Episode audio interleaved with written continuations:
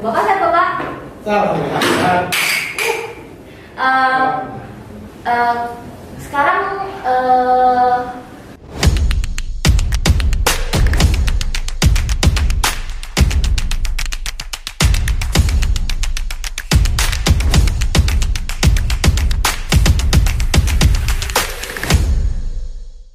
Assalamualaikum warahmatullahi wabarakatuh. Eh, selamat datang semuanya. Eh, jadi kali ini saya di sini eh, berada di Ontok. Jadi kita akan melaksanakan sebuah proyek baru dari Kominfo di IPMKOP yaitu podcast. Nah, jadi tujuan kita membuat podcast ini kita akan memberikan informasi dalam perkembangan di med- eh, di media sosial. Lalu kita di sini juga akan mengundang para para narasumber yang sangat-sangat menginspirasi kita pada hari ini. Jadi ini adalah episode pertama dari podcast Kominfo. Nah, sebelumnya saya akan memperkenalkan diri saya dulu. Perkenalkan saya Reza Putri Harnevi. Saya selaku staf Kominfo, selaku eh, caster juga di sini. Jadi sebelum itu eh, kita eh, sebelum kita memulai jangan lupa untuk tetap berada di rumah, eh, ikuti protokol kesehatan dengan 3M. Selanjutnya kita akan perkenalkan eh, narasumber kita pada hari ini. Sebelumnya dia adalah Kepala Bidang Pengadaan dan Kepangkatan yang sekarang menjadi Kepala Dinas Pendidikan Kota Batam. Nah, langsung saja kita sambut yaitu Pak Hendri Arulan, SPD. Selamat siang Bapak. Selamat siang. Assalamualaikum warahmatullahi Waalaikumsalam warahmatullahi wabarakatuh. Bapak saya Bapak. Alhamdulillah. Uh, kita langsung pembahasan utama atau Bapak pengen basa-basi dulu Bapak?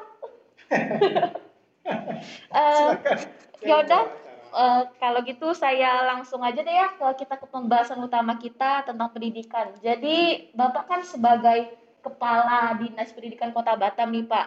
Eh, jadi menurut Bapak bagaimana bentuk dukungan dinas terkait akan mahasiswa Batam yang berkuliah di Batam maupun di luar kota? Apalagi kalau kondisi kita ini kan lagi pandemi, kita tetap harus membayar UKT dan eh, kita belajar di rumah. Menurut Bapak gimana Pak? Baik, terima kasih. Eh, pertama sekali saya kenalkan dulu lah. Ya. Tadi saya perkenalkan sepintas oleh host kita. Siapa nama host ini? Reza Bapak. Reza ya, Pak Reza. Eh, saya eh, Kepala Dinas Pendidikan Kota Batam. Seperti yang disampaikan tadi benar bahwasanya sebelumnya saya di eh, Badan Kepegawaian dan Diklat dulunya BKD namanya Badan Kepegawaian dan Diklat. Sekarang eh, sudah di, ada perubahan sesuai dengan SOTK menjadi BKPSDM. Eh, pada saat itu BKD saya uh, menduduki sebagai kepala bidang pengadaan kepatan pernah, kemudian kepala bidang pendidikan dan diklat, nah, pendidikan eh, dan latihan juga pernah. Eh, sebelum saya BKD sebenarnya latar belakang saya juga dari eh, kependidikan. Hmm. Jadi awalnya saya seorang guru itu di SMP Negeri 6 Batam. Oh. Ya, jadi sejarahnya mulai PNS saya itu sebagai seorang guru. Nah, di salah satu SMP, tepatnya di SMP Negeri Enam Batam. Kemudian ke Dinas Pendidikan sebagai kasih, kemudian ke DKD dan akhirnya balik lagi ke Dinas Pendidikan. Dan sejak tahun 2018 menjabat sebagai Kepala Dinas Pendidikan. Nah, itu perkenalan awal. Uh, kemudian selanjutnya seperti apa yang disampaikan oleh Adik Reza tadi ya, terkait dengan uh, kira-kira apa uh, pendapat daripada pendidikan khusus di Kota Batam terkait dengan uh, pelaksanaan pendidikan di pandemi atau apa tadi pertanyaan tadi? ya? Dukungan dinasnya Dukungan Pak pendidikan terhadap terhadap eh, para para pelajar sama mahasiswa di Kota Batam sama di luar Kota Batam Pak. pada saat saya masih di uh, Badan Kepegawaian dan Diklat BKD uh, tahun-tahun 2014-2015 itu uh, pemerintah Kota Batam itu uh, menyiapkan anggaran terkait dengan beasiswa, tetapi khusus beasiswa uh, yang dari internet. Uh, jadi beasiswa khusus uh, apa uh, mahasiswa Indonesia yang lulusan dari uh, sekolah di Interland. Uh, itu kita beasiswa ke UGM ada, ke uh, UGM, kemudian di Bandung, di ITB. apa namanya? ITB Pak? Bukan ITB. Nah, di ITB kalau lulus ada, uh, kemudian di Unifat ada, Hmm. kemudian di uh, STP Sekolah Tinggi Perikanan itu yang di luar. Kemudian yang di dalam kemarin uh, pernah kita uh, membiasiswakan anak-anak yang berprestasi di lulusan daripada daerah interland itu memang kemarin wali kota konsen ke anak-anak kita di daerah interland Hmm. karena memang selama ini anak-anak kita di internet kan ya, memang kalau tidak diperhatikan itu uh, pendidikannya ya paling-paling sampai SMA selesai makanya uh, perhatian pemerintah memberikan beasiswa kepada uh, anak-anak yang uh, lulusan dari sekolah yang atau orang tuanya yang berdomisili di internet itu untuk mendapat kuliah ada kalau di daerah Kepri ada di Umrah, kemudian di uh, mana di Poltek, ada di Uniba, ada di Undrika. Kita uh, beasiswakan uh, kemarin di tahun-tahun 2011, 12, 13 uh, sudah kita laksanakan program itu. Uh, namun pada akhirnya bahwa uh, sesuai dengan Undang-Undang 23 tahun 2014 uh, tentang otonomi daerah bahwasanya uh, pendidikan itu dibagi atas uh, kewilayahannya. Jadi untuk uh, jenjang sampai pendidikan sekolah menengah pertama SMP itu di bawah koordinasi dinas pendidikan kota kemudian khusus untuk jenjang SLTA, SMA, atau SMK itu sudah di bawah uh, koordinasi dinas pendidikan provinsi. Nah, jadi uh, sejak uh, Undang-Undang 23 tahun 2014 itu bergulir, sehingga khusus untuk beasiswa, beasiswa ini kan dari tamatan SLTA. ini. Iya. Tamatan SLTA artinya sudah menjadi uh, wewenang dari dinas pendidikan provinsi. Ya, sementara kita di Kota Batam hanya sampai ke jenjang pendidikan SMP. Nah, sejak dari itu kita berdasarkan uh, pertimbangan dan kajian, kita juga tidak mau uh, melaksanakan kegiatan itu menyalahi aturan. Hmm. Jadi artinya uh, sejak tahun 2016, 2015, 2016, anak-anak yang kita diskusikan sebelumnya itu lulus, akhirnya kita tutup program itu. Oh. Kita tutup dan tidak ada lagi uh, program-program uh, lanjutan khusus anak-anak yang di, di daerah interland. Hmm. Nah itu uh, pemerintah yang Kota Batam yang berikan pada saat itu. Perpanjangan tangannya melalui dinas pendidikan ya. Iya. Iya. Dinas pendidikan itu tidak bisa berbuat banyak karena mahasiswa-mahasiswa ini adalah merupakan uh, masyarakat umum sekarang. Ah. Jadi kalau dia sudah tamat SMA, pada saat dia SMA itu sudah menjadi wewenang provinsi. Mhm. Jadi kita tidak Iya, bisa masuk ke situ. Iya, iya. Kemudian setelah tamat um, perguruan tinggi itu sudah menjadi masyarakat umum. Eh sudah setelah tamat SMA. Mhm. Nah, kan mereka sudah menjadi masyarakat umum ini. Apalagi masuk ke perguruan tinggi. Oh. Sekarang ini ada program uh, beasiswa yang pada beberapa tahun terakhir itu masih ada di dinas pendidikan. Hmm. Itu beasiswa untuk lima perguruan tinggi negeri yang yang populer lah di Indonesia ini. Oh, oh, oh. Itu lima perguruan tinggi itu adalah uh, ITB, Hmm. UI, Hmm. Unpad, Hmm. UGM, dan IPB. Oh. Jadi di lima perguruan tinggi ini, kalau ada anak Batam yang uh, diterima melalui jalur undangan, Hmm. Mbak Reza, Iya. Oh. melalui jalur undangan itu bisa kita uh, beasiswakan Oh. melalui jalur undangan dari lima perguruan tinggi tadi. Nah, ya melalui jalur undangan. Uh, tapi terakhir dikelola oleh dinas pendidikan itu tahun 2020. Mhm. Nah, di 2021 itu sudah berpindah ke OPD yang lain. Tentunya yang langsung berhubungan dengan urusan masyarakat itu saya sampaikan tadi bahwasanya uh, setelah taman SMA yang kuliah ini kita anggap sebagai masyarakat Kota Batam, masyarakat umum. Jadi adanya di Kesra. Jadi lima perguruan tinggi yang uh, di apa yang menerima anak-anak kita di Batam melalui uh, apa melalui mahasiswa undangan itu di beasiswa oleh uh, pemerintah Kota Batam saat ini sejak tahun 2001 sudah melalui uh, bagian Kesra. Hmm. Jadi sudah tidak di dinas pendidikan lagi. Oh, ya itu uh, apa kegiatan-kegiatan uh, yang kita lakukan uh, dalam memberikan bantuan ataupun perhatian kepada masyarakat Kota Batam terkhusus mahasiswa-mahasiswa yang uh, lulusan di Kota Batam. Hmm.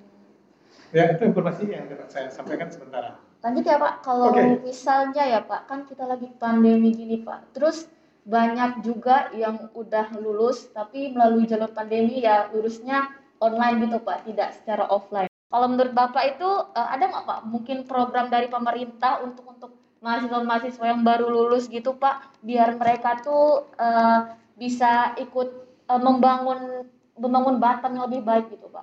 Uh, kita sekarang ini uh, berbeda antara uh, keinginan daripada uh, anak-anak mahasiswa, keinginan daripada pemerintah Kota Batam dengan ketentuan-ketentuan yang harus kita ikuti. Regulasi-regulasi kita ikuti, ya kan? memang saat ini terkait dengan rekrutmen, nah, rekrutmen uh, di pemerintah Kota Batam itu memang sudah harus melalui eh, ketentuan-ketentuan uh, tertentu. Memang saat ini uh, pemerintah pusat sedang gencar-gencarnya merekrut melalui dua jalur. Yang pertama uh, PNS, yang kedua itu adalah P3K. Hmm. Jadi kalau seandainya ada anak-anak kita yang mungkin dia berpotensi uh, untuk uh, menjadi uh, bersama pemerintah Kota Batam untuk membangun, ya memang harus masuk ke dalam sistem pemerintah tersebut. Mhm. Bagaimana masuk ke dalam sistem pemerintah tersebut? Ya memang harus melalui uh, tes seleksi, apakah sebagai PNS atau mungkin sebagai tenaga P3K. P3K itu adalah uh, pegawai pemerintah uh, dengan perjanjian kerja. Jadi ASN itu ada dua. Ya. ASN itu terbagi atas dua, yang satu PNS, yang satu P3K tadi. Jadi kalau seandainya ingin ikut membangun uh, pemerintah Kota Batam, masuklah ke dalam sistemnya. Kalau seandainya memang ingin membantu di sistem pemerintahannya. Tapi membangun Kota Batam itu tidak harus masuk ke dalam sistem pemerintahan. Ya. Bisa saja di luar. Di luar dalam artian itu membangun uh, sebuah komunitas ataupun apa yang sifatnya bisa menggerakkan ekonomi uh, masyarakat apa saja lah bisa dilakukan di dalam membantu pembangunan ini. Apakah mungkin kita ikut di dalam uh, menyiapkan uh, kebutuhan-kebutuhan uh, masyarakat Kota Batam? Kan bisa saja kita uh, melakukan kegiatan-kegiatan yang mungkin dapat menyerap tenaga kerja. Apakah kita melalui uh, bisnis online ataupun bisa kita melalui Eh, kegiatan-kegiatan yang sifatnya perdagangan misalkan, tetapi yang jelas bisa merekrut uh, tenaga kerja. Ya, karena uh, pada umumnya di Kota Batam ini memang kita tidak memiliki uh, apa? Tidak memiliki sumber daya alam. Kita tidak punya minyak, kita tidak punya uh, timah, kita tidak punya apa. Kita hanya mengharapkan jasa. Jadi kita berharap kepada adik-adik kita ini yang mungkin kalau seandainya ikut berperan, yang pertama tadi saya sampaikan bisa masuk ke dalam sistem pemerintahan, uh-huh. yaitu tentunya dengan uh, masuk secara resmi. Melalui tes, melalui tes tadi. Nah, itu yang pertama. Kemudian membangun ini tidak harus masuk ke dalam sistem pemerintahan, bisa saja di luar. Mendukung seperti apa yang saya sampaikan tadi. Berusahalah berkarya, membangun apakah mungkin sesama teman, kita menyiapkan kebutuhan-kebutuhan masyarakat. Apalagi kota Batam ini memang kita berharap ke depannya menjadi kota wisata. Kita lihat wali kota Batam uh, berusaha keras uh, meningkatkan sarana prasarana di kota Batam ini, melebarkan jalan, kemudian mempercantik taman-taman. Semuanya gunanya untuk menarik wisatawan luar masuk. Kalau wisatawan luar masuk, apa kita sebagai mahasiswa atau kita sebagai uh, sarjana yang telah uh, mendapat ilmu di tempat uh, kita uh, pendidikan kemarin, apa kita berikan? Yang penting, yang jelas kita bisa menarik uh, apa manfaat dari masuknya turis-turis tersebut. Saya rasa itu. Baik Pak, kalau misalnya ya Pak di dalam pandemi ini sudah banyak sudah banyak uh, beberapa sekolah gitu Pak yang udah ada tetap muka. Menurut uh, apalagi di Batam ini uh, untuk uh, uh, untuk COVID ini mulai melonjak tinggi lagi Bapak. Uh, menurut Bapak tanggapan Bapak gimana tuh Pak? Nah, saya sampaikan bahwasanya COVID ini uh, mulai kita rasakan itu di bulan-bulan Maret 2020. Saya ingat uh, pertama sekali kita mengeluarkan uh, surat edaran wali kota Batam yang menyatakan bahwasanya sekolah mulai tutup itu di Maret 2020.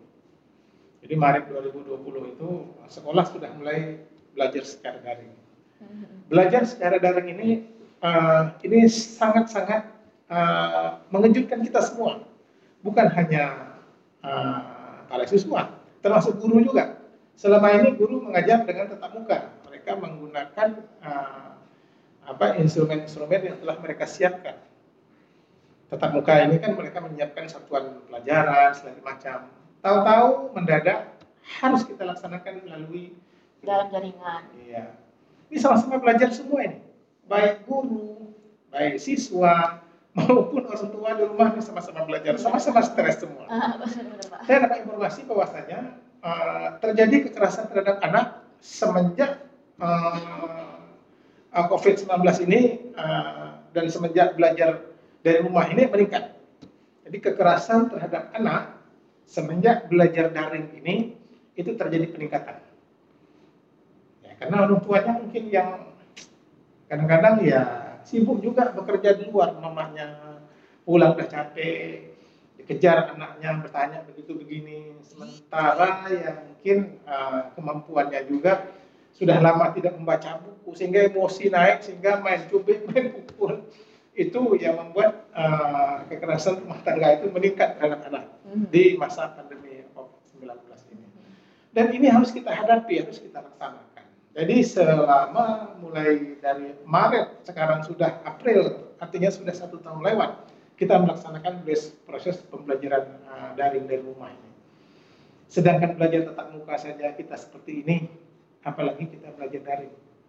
Jadi karena kebetulan beberapa sebulan yang lalu lah itu tren daripada COVID ini menurun sehingga kebijakan daripada pimpinan kita wali kota Batam itu memberi ruang kepada sekolah-sekolah yang sudah siap untuk melaksanakan belajar tatap muka silakan. Itu ada diatur di dalam uh, surat keputusan bersama empat menteri. Empat menteri itu menteri kesehatan, menteri pendidikan, menteri agama, dan menteri dalam negeri. Jadi ada SKP empat menteri. Sekolah boleh kalau mau melaksanakan tatap muka, tetapi harus memenuhi syarat. Apa syaratnya? Yang pertama, uh, kebersihan sekolah harus terjamin. Toilet-toiletnya harus punya tuh harus punya pintu. Banyak sekolah-sekolah itu kadang-kadang toiletnya sudah tidak tidak pintu lagi. ya karena siswa sendiri main tendang aja sehingga cabut pintunya. Uh, yang pertama sekali itu. Jadi kebersihan sekolah harus terjamin, harus disiapkan. Itu yang pertama. Kemudian yang kedua harus uh, memiliki termogan. Termogan itu alat ukur. Hmm. Kemudian siap menggunakan masker Artinya itu tidak ada di sekolah itu warga sekolah yang tidak menggunakan masker. Kemudian juga uh, harus ada MOU dengan uh, klinik atau puskesmas terdekat. Jadi kalau seandainya mungkin ada anak yang suhunya panas, mungkin langsung dikoordinasikan dengan puskesmas. Ya, kemudian uh, juga harus uh, yang paling penting itu izin daripada komite sekolah. Persetujuan komite sekolah itu sangat di, di, di, di, ditekankan dalam SKB 4 Menteri tersebut. Kemudian yang paling penting itu harus izin orang tua. Walaupun sekolah sudah siap tetap muka, tapi orang tua belum mengizinkan anaknya untuk datang ke sekolah, tidak jadi masalah. Jadi artinya silakan anaknya belajar daring dari. Jadi kalau seandainya mungkin orang tuanya siap anaknya belajar di sekolah, artinya tuh ya silakan belajar di sekolah. Itu ada sudah pernyataan dari orang tua. Nah kemudian juga sekolah juga harus mempunyai data anak yang memiliki komorbid. Komorbid ini artinya anak yang mungkin membawa uh, memiliki penyakit bawaan. Bisa saja anak ini asma atau mungkin uh, apa saja lah anak-anak yang mungkin penyakit bawaan kadang-kadang ada yang anak ini dari kecil bawaan penyakitnya ada yang jantung bocor macam-macam iya. di sekolah ini. Iya banyak pak banyak. Ya, jadi sekolah punya data itu. Kalau ketemu anak seperti ini disarankan lebih bagus dia belajar daring saja, Mhm. tidak usah tetap muka. Mhm. Rentan soalnya. Rentan. Nah, kemudian juga sekolah mempunyai data. Siswa di siswa peserta didiknya itu datang ke sekolah itu menggunakan apa? Jadi kalau dia menggunakan transport di antara orang tuanya itu aman silakan. Tapi kalau dia menggunakan transport umum, ini rentan lagi. Disarankan lebih bagus silakan belajar dari rumah saja. Karena mereka berangkat ke sekolah, pulang dari sekolah, menaiki transport umum ini kan sangat-sangat rentan. Karena transport umum itu kan siapa saja naik. COVID ini sampai saat ini masih belum berakhir. Masih tetap uh, ada. Mhm. Saya rasa tidak akan berakhir COVID ini. Sama dengan flu-flu biasa, sama dengan virus-virus influenza. Iya. Cuman sekarang ini kan sudah ada obatnya, mungkin parasit lah apalah. Cuman sekarang corona ini virus juga jenis virus ya kan. Mhm. Cuman mungkin belum ketemu obatnya lagi. Belum ketemu obat yang gitu untuk me, me, apa, me, me- membunuh kuman dalam tubuh kita. Bapak Ya. percaya nggak pak sama vaksin gitu pak? Eh percayalah, kenapa tak percaya? Kita masih kecil kan sering divaksin. Vaksin cacar, kan masih ada tanda Ada, di, ada, di, ada. di bahu kan. Nah, polio. Ya, jadi memang tetap percaya kenapa tidak. Gitu. Nah, jangan salah anggap bahwasanya setelah divaksin orang tidak kena. Jangan anggap seperti itu. Contohnya penyakit cacar. Cacar kan kita sudah divaksin dari kecil. Setelah dewasa kan ada yang kena cacar juga lagi. Iya, sama juga dengan vaksin uh, COVID-19 ini. Artinya vaksin COVID-19 ini hanya memberikan uh, stimulus lah kekebalan tubuh, membantu kekebalan tubuh kita. Antibody gitu. Antibody, meningkatkan antibody, meningkatkan imun kita. Mhm. Jadi kalau seandainya ada masuk virus, tubuh kita ini siap menghalang. Ya, karena kan imun tubuh kita ini kan antar orang satu dan orang lain kan berbeda. Nah, makanya dibantu dengan vaksin ini. Jadi dibantu dengan vaksin sehingga imun tubuh kita semakin kuat sehingga bisa melawan uh, virus uh, COVID-19 ini.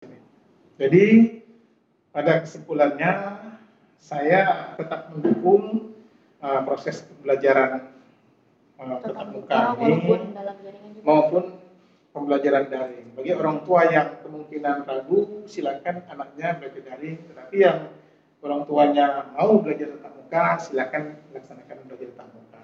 Karena sekali lagi saya sampaikan, belajar tatap muka itu lebih bagus kualitasnya dibanding dengan belajar daring dari eh, rumah.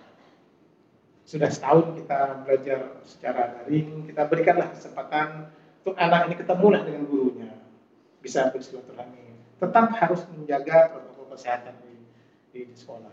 SKB 4 Menteri tadi mengatur bahwasanya dalam satu kelas itu kalau dulu jumlahnya kadang-kadang 36, kadang-kadang 40 satu kelas, sekarang tidak boleh maksimal 18. Mhm. Jadi berjarak-jarak. Kemudian di sekolah tidak boleh ada kegiatan olahraga. Jadi tidak boleh ada kegiatan voli, bola kaki, takraw misalkan di sekolah tidak boleh. Karena itu akan uh, terjadi sentuhan antara satu dengan yang lain. Tidak boleh. Kantin juga di sekolah tidak boleh buka. Jadi tidak ada jual kantin, tidak ada jual-jualan di sekolah. Disarankan mau bekal sendiri Iya, ya, ya. buka sendiri. Anak belajar waktunya juga tidak lama. Paling lama 2 sampai 3 jam. Masuk pagi, belajar, itu langsung pulang ke rumah. Mhm. Itu diatur di dalam surat keputusan bersama empat menteri tersebut. Baik, baik. Oke? Jadi eh, kalau untuk Bapak ya, pesan sama harapan Bapak terkait pendidikan di Kota Batam ini Pak, terutama terkait mahasiswa yang menimba ilmu di luar kota. Untuk Bapak pesan sama kesan Bapak ini apa Pak? Yang pertama pesannya tentu belajarlah dengan sungguh-sungguh dan orang tua bangga eh, jika anaknya berhasil tepat waktu dan memiliki pendidikan yang pendidikan kelulusan yang bagus. Itu eh, yang pertama. Kemudian yang kedua, uh, saya sampaikan, jangan kita berpikir uh, untuk bekerja dengan orang lain. Jadi jangan berharap kita itu setelah kuliah saya mau bekerja di perusahaan itu, kita mau bekerja di perusahaan ini, kita mau bekerja di instansi itu. Jangan itu dulu yang menjadi tujuan kita. Itu mungkin tujuan kedua, mungkin tujuan ketiga. Yang paling utama adalah kita ini bermanfaat bagi uh, orang lain. Dalam bentuk apa saja? Apakah dalam bentuk eh, kegiatan-kegiatan uh, ekonomi, dalam bentuk kegiatan-kegiatan ekonomi. Artinya yang saya harapkan yang saya sampaikan maksudkan di sini adalah ya mungkin setelah pulang di sana kita bisa uh, menjadi uh, seorang yang memiliki jiwa berbisnis lah. Artinya kita tidak tidak harus berharap pekerjaan orang tapi mungkin kita malah yang bisa membuka pekerjaan sehingga orang yang bisa bekerja dengan kita. Karena kalau kita berharap bekerja dengan orang lain, ya itu tidak segampang yang kita bayangkan. Apakah kita terus akan menganggur? Kan tidak mungkin. Artinya tuh kita harus berpikir peluang apa yang bisa saya kejar untuk menghidupi dengan dari ilmu yang telah uh, kita dapatkan uh, yang telah disekolahkan oleh orang tua jauh-jauh. Itu yang kedua. Kemudian yang ketiga uh, tetap kita harus kembali berbakti kepada orang tua. Doa orang tua itu merupakan doa yang betul-betul mustajab. Uh, mudah-mudahan uh, doa orang tua yang jelas itu akan menuju uh, tercapainya cita-cita kita jadi tiga itu yang menjadi pesan dari saya. Yang pertama benar-benar uh, menimba ilmu dengan baik. Kemudian yang kedua berpikir positif untuk melaksanakan kegiatan yang prinsipnya dapat berguna bagi orang banyak. Kemudian yang ketiga tetap kembali ke orang tua. Artinya kita mohon doa restu dari orang tua, berbuat baik dengan orang tua karena doa orang tua ini betul-betul doa yang mustajab yang bisa mengabulkan apa yang kita inginkan maupun orang tua kita inginkan. Saya itu pesan-pesan yang uh, mungkin saya sampaikan pada kesempatan uh, sore hari ini. Baik, jawabannya sangat-sangat termotivasi ya teman-teman ya. Dan langsung kita uh, interview Bapak Kadis di kita ini uh, kita bisa berbincang dengan dengan beliau apalagi soal-soal pendidikan di Kota Batam untuk untuk mahasiswa dan pelajar yang ada berada di Kota Batam maupun yang menimba ilmu di luar Kota Batam. Terima kasih banyak Bapak Sama-sama. atas jawabannya.